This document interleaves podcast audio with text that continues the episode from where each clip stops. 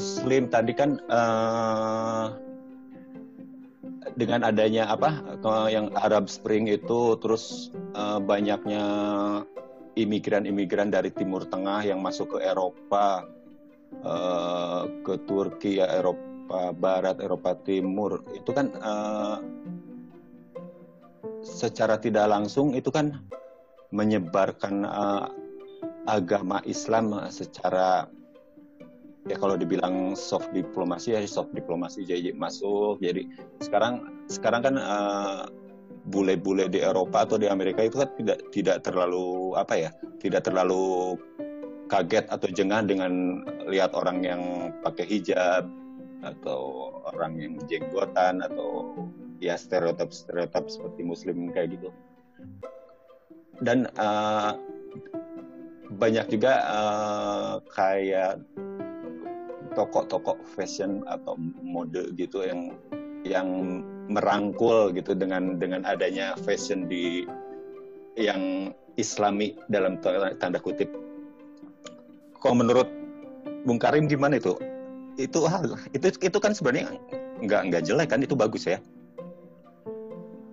Oh dalam hal ini kayak uh, fusion antara budaya Barat dan Islam di secara global, kalau saya melihatnya ada dua dua hal yang bisa ditarik dari situ. Yang pertama adalah saat dua budaya bergabung, itu yang terjadi adalah biasanya terjadi uh, dilusi dari uh, apa namanya uh, apa istilahnya. Jadi lebih uh,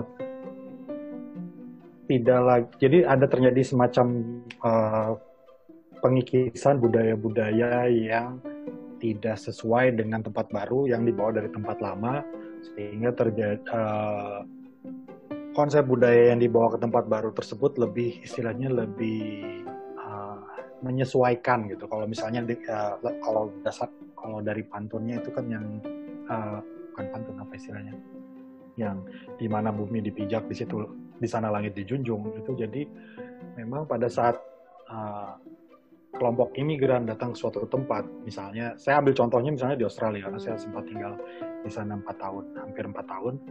Jadi memang lebih banyak pada saat imigran datang ke tempat tersebut hal-hal yang misalnya tidak uh, tidak perlu di di apa namanya dipertahankan atau misalnya ada kebudayaan-kebudayaan yang lebih cocok di sana itu yang di uh, akhirnya bertahan gitu. Daripada budaya-budaya yang dibawa dari tempat asal masing-masing tidak cocok di tempat asal itu susah lebih susah bertahan. Jadi ada semacam delusion lebih uh, apa? Jadi kayak tidak lagi terlalu strong efeknya dari tempat yang asal tapi jadi terjadi semacam fusion di tempat baru. Jadi nggak lagi sekuat dari tempat imigran tersebut berasal gitu. Jadi ada terjadi semacam pencampuran lah. Yang kedua kalau dalam hal um,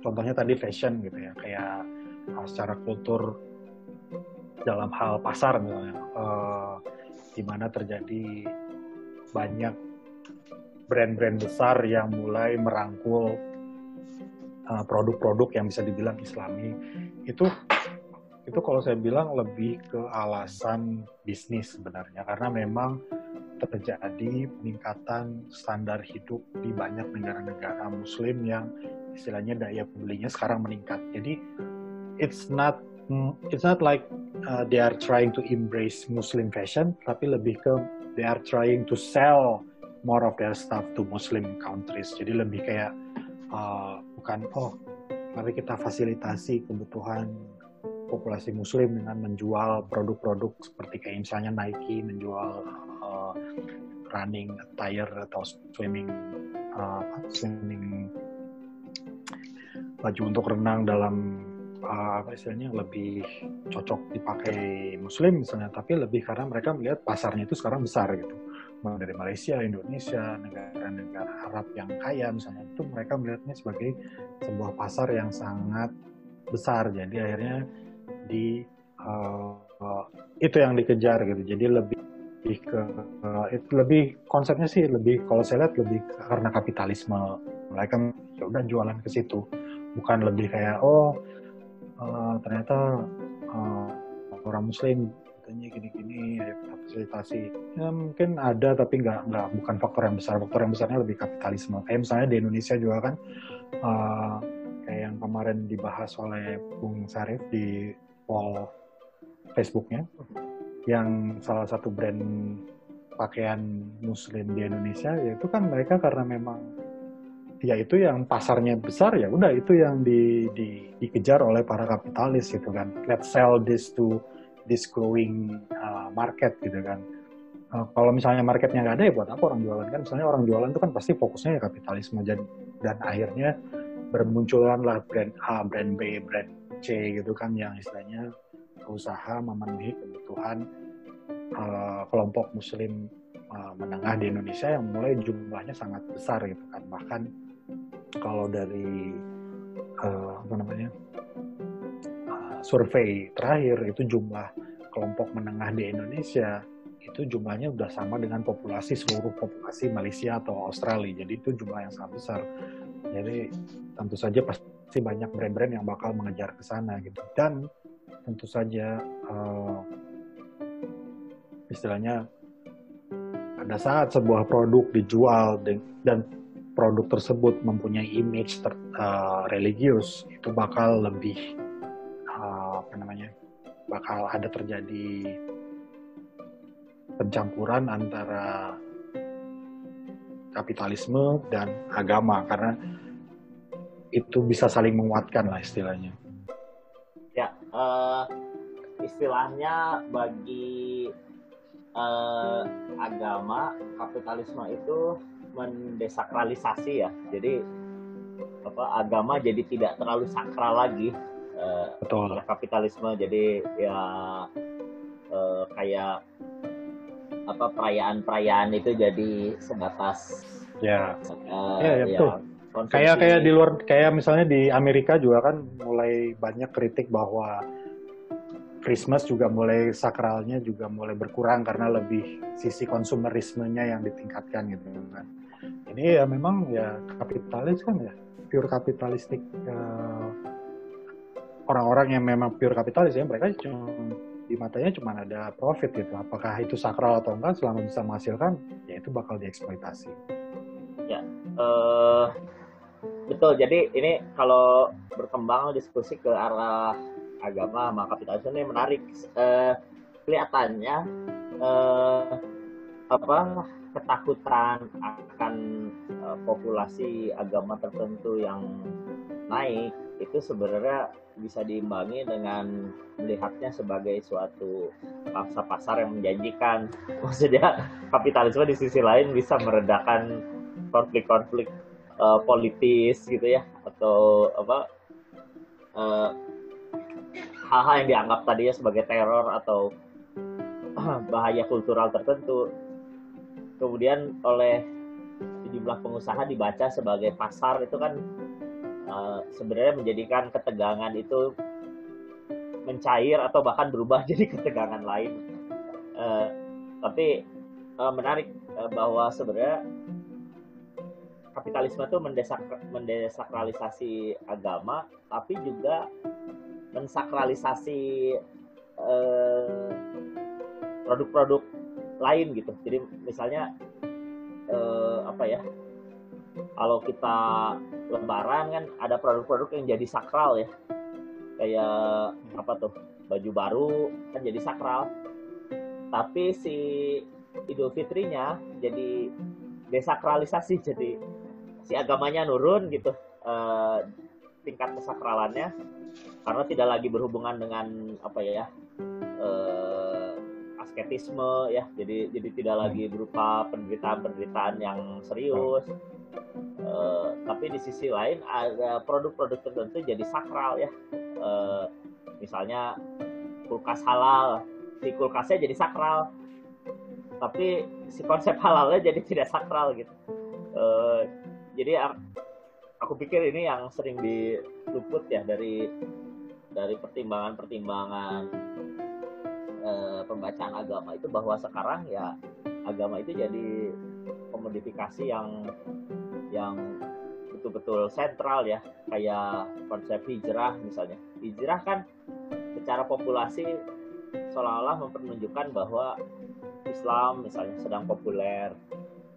Tapi dalam pandangan kritis ya hijrah itu sebenarnya pivot pivot bisnis juga ya gitu. Jadi bergabung hmm, yeah. pada satu fungsi dagang yang lebih menjanjikan gitu. ya mungkin ada bisnis sebelumnya yang kurang berhasil atau apalah. Tapi apa pun itu eh, agama itu sangat kompleks ya kaitannya dengan domain-domain yang lain gitu. Ya, ya menarik dari sorry stop. Silakan ya soalnya masalahnya gini kalau misalnya kita melandaskan pada misalnya fungsi dagang atau kapitalisme atau sebuah profit oriented uh, venture yang di dalamnya ada nuansa agamis itu lebih jadi lebih sulit untuk dikritik.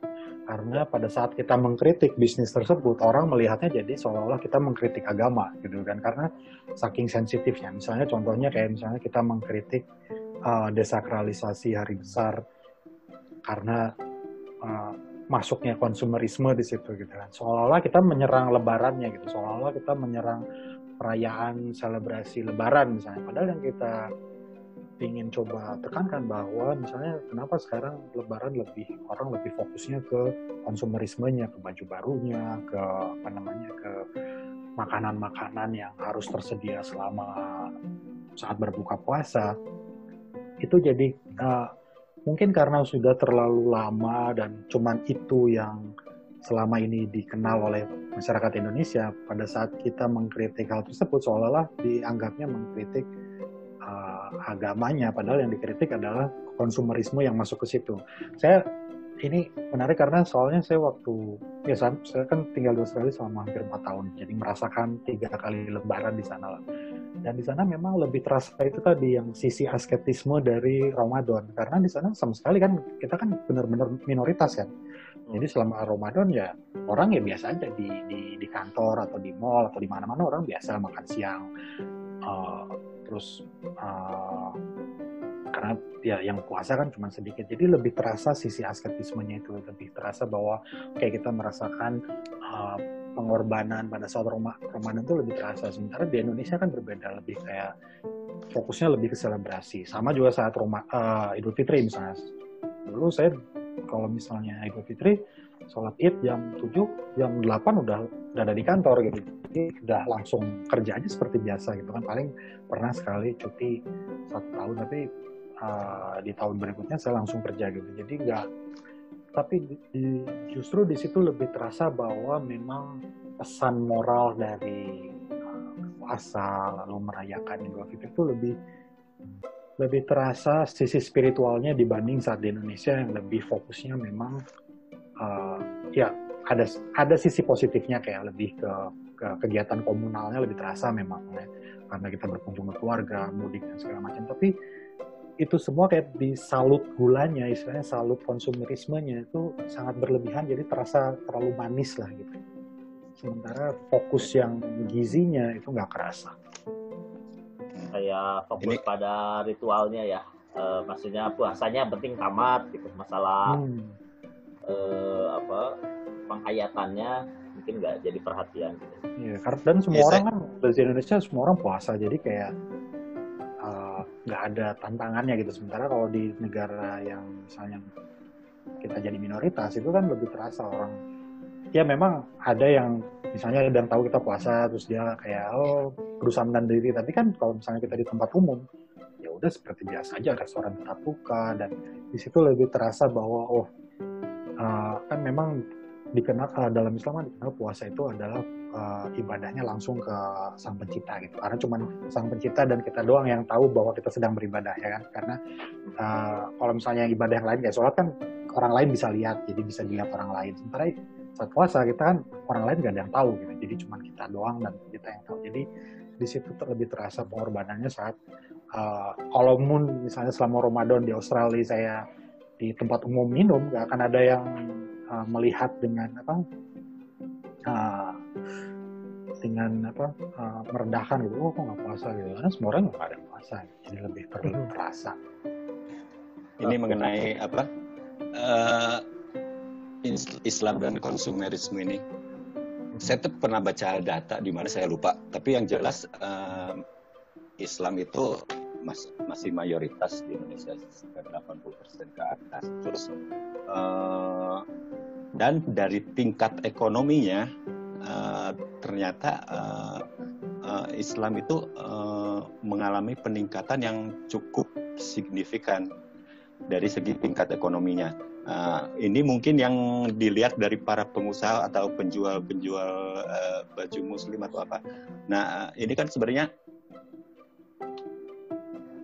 ya ya kapitalis lah maksudnya uh, kalau is kita sekarang kan tahu misalnya produk uh, Wardah misalnya. Wardah itu kan dulu itu kan produk yang ya kalau boleh dibilang abal-abal abal-abal lah. Maksudnya produk yang gak laku. Tapi sekarang itu Wardah itu produk yang sangat besar. Dia mengalahkan merek-merek luar negeri gitu untuk pemakaian di di Indonesia. Nah, nah itu ya mungkin kalau saya sih ngelihatnya lebih ke sana. Ya kayak ujung-ujungnya duit merenya.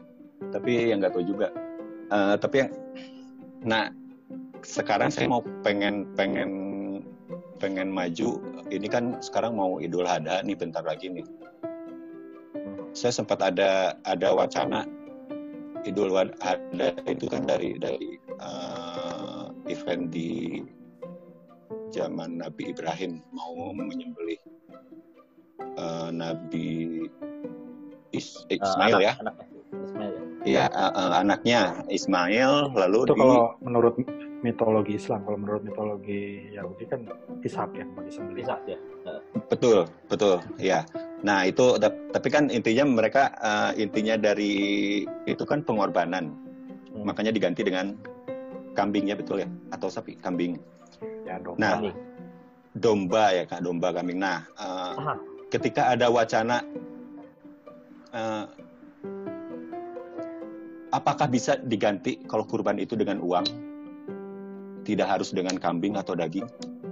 Itu Eh, gimana tuh? Itu kan konsepnya tetap sama kan pengorbanan kurban. Kita mengeluarkan uang sejumlah berapa juta atau sampai 20 juta untuk satu keluarga. Itu kalau misalnya diganti dengan uang itu hasilnya kan akan lebih bermanfaat. Kalau daging kan itu misalnya cuma satu hari, dua hari habis. Mereka makan enak. Tapi kalau dengan uang mungkin daging satu kilo dua kilo ya istilahnya tiga puluh ribu empat ya saya nggak tahu berapa harinya seratus ribu dua ratus ribu itu gimana tuh ngelihatnya uh, hari menas dulu uh, kalau dari saya sih mungkin saya kurang tahu ya apakah hukum dalam Islamnya apakah itu boleh diganti atau enggak kalau saya melihatnya mungkin kenapa konsepnya adalah pembagian daging gitu kan. Uh, soalnya kan dalam Islam juga dikenal konsep zakat ya, di mana setiap kasihkan dua setengah persen dikasihkan ke uh, orang tidak punya gitu. Kalau misalnya itu benar-benar dijalankan dengan sempurna, misalnya semua orang Islam di Indonesia menjalankan, saya rasa itu sudah sebu menjadi sebuah sistem jaringan sosial yang sangat bagus. Tapi entah kenapa, kenapa belum terwujud, saya juga kurang paham. Tapi yang jelas pada saat Idul Adha itu lebih konsepnya adalah uh, berbagi kebahagiaan dalam bentuk uh, ini loh uh, istilahnya orang-orang yang tidak mampu istilahnya mendapatkan uh, daging kurban itu adalah orang-orang yang memang secara ekonomis bukan kelompok yang terbiasa memakan daging jadi istilahnya kita ingin setahun sekali itu mengajak mereka eh merasakan makanan yang makanan mewah dalam tanda kutip gitu. Jadi bukan lebih ke membantu mereka secara ekonomi tapi lebih Idul Adha itu kan kayak uh, lebih kayak sebenarnya sih kalau yang lebih sebut perayaan feast kayak makan-makan itu sebenarnya Idul Fitri tapi Idul Adha juga konsepnya juga kan sama kita bareng-bareng antara yang punya dengan yang tidak punya pada hari itu makan hidangan yang sama mewahnya lah gitu. Jadi nggak cuma yang pada saat Idul Fitri kan belum tentu gitu. Pada saat Idul Fitri misalnya yang makanannya mewah, sementara yang tidak punya makanannya biasa aja gitu. Nah pada saat Idul Adha itu diharapkan semua merasakan makanan yang sama enaknya gitu. Dan ini kan kita konteksnya karena dalam sejarah masyarakat uh, gitu ya, masyarakat yang hidup di uh, berternak. Jadi uh, berbagi kebahagiaan dalam ini adalah uh, giving uh, meat to your neighbors lah gitu. Jadi kalau saya lihat lebih konsepnya itu, jadi bukan konsep bantuan ekonomi karena kalau konsep bantuan ekonomi saya lihat itu lebih ke faktornya zakat.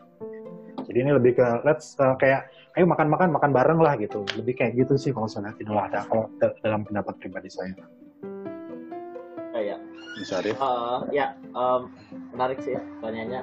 Sebenarnya uh, kata siapa ada uh, pemikir Rumania Rumania gitu ya Mircea Eliade namanya dia bilang manusia itu ada kecenderungan uh, imitatio dei ya jadi meniru Tuhan gitu.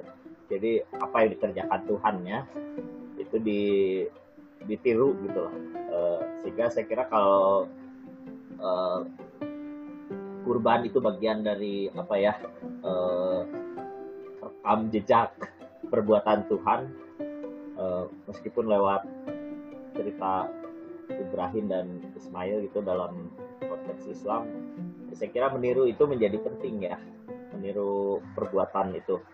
Jadi kurban itu dilakukan uh, bukan ya seperti tadi Karim bilang bukan karena uh, daging itu bisa dikonversi menjadi uang tapi lebih pada uh, imitatio dei itu ya meniru perbuatan-perbuatan Tuhan itu.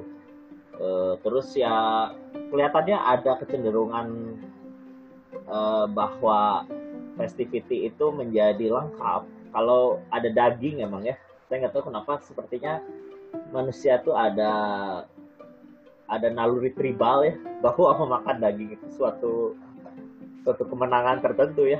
Saya kira jarang sekali kita menemukan ada pesta yang sayuran gitu ya maksudnya pestanya uh, vegan kali itu pestanya vegan ya bisa cuman uh, dalam kacamata yang non vegan masih kurang greget gitu ya tidak ada darah tidak ada apa kematian gitu ya. Walaupun itu juga kematian ya kematian tumbuhan uh, tapi kelihatannya ada ini ya naluri dasar orang ketika melakukan pembunuhan apalagi massal gitu ya uh, ada yang terpuaskan ya. Dan dan sedikitnya lebih lebih enak gitu kalau itu pada binatang-binatang yang dikehendaki Tuhan gitu kan uh, betapa sempurnanya gitu naluri tribal kita diarahkan pada sesuatu yang halal gitu kira-kira.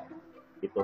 Mungkin ada hubungannya dengan evolusi manusia yang berasal dari kelompok pemburu hunter gatherer mungkin ya dulu kan ya kelompok manusia. Manusia kan hidupnya dulu kan berburu gitu. Terus pada saat kelompok para pemburu datang ke pemukiman mereka membawa barang buruan biasanya itu kan jadi sebuah feast gitu jadi sebuah ya.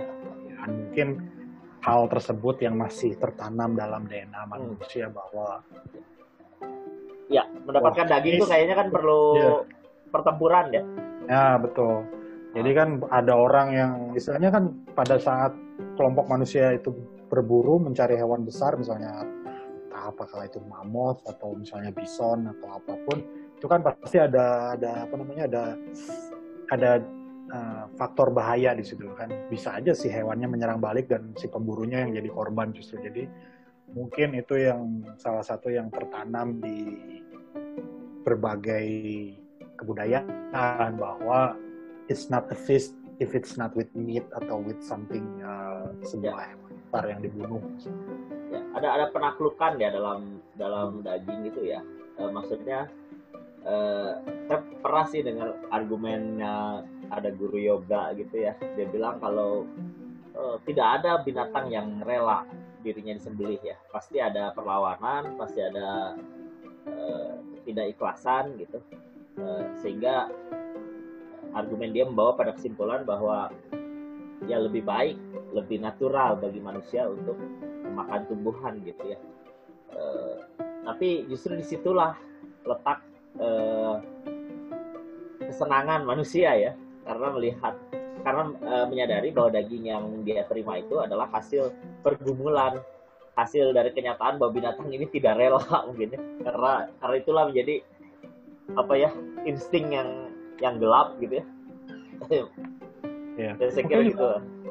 uh, saya rasa di dalam uh, perkembangan spesies manusia gitu ya banyak sekali uh, dalam sejarah manusia yang panjang ini spesies, uh, spesies Homo sapiens ini banyak sekali daging yang sudah dikonsumsi bahkan Ya. menurut beberapa penelitian adalah kenapa manusia menjadi cerdas sekarang istilahnya kenapa Homo sapiens uh, berevolusi menjadi cerdas sekarang karena peningkatan konsumsi protein uh, nenek moyang Homo sapiens gitu. Jadi pada saat kita masih primates who lives in trees, uh, konsumsinya masih lebih banyak buah-buahan kan.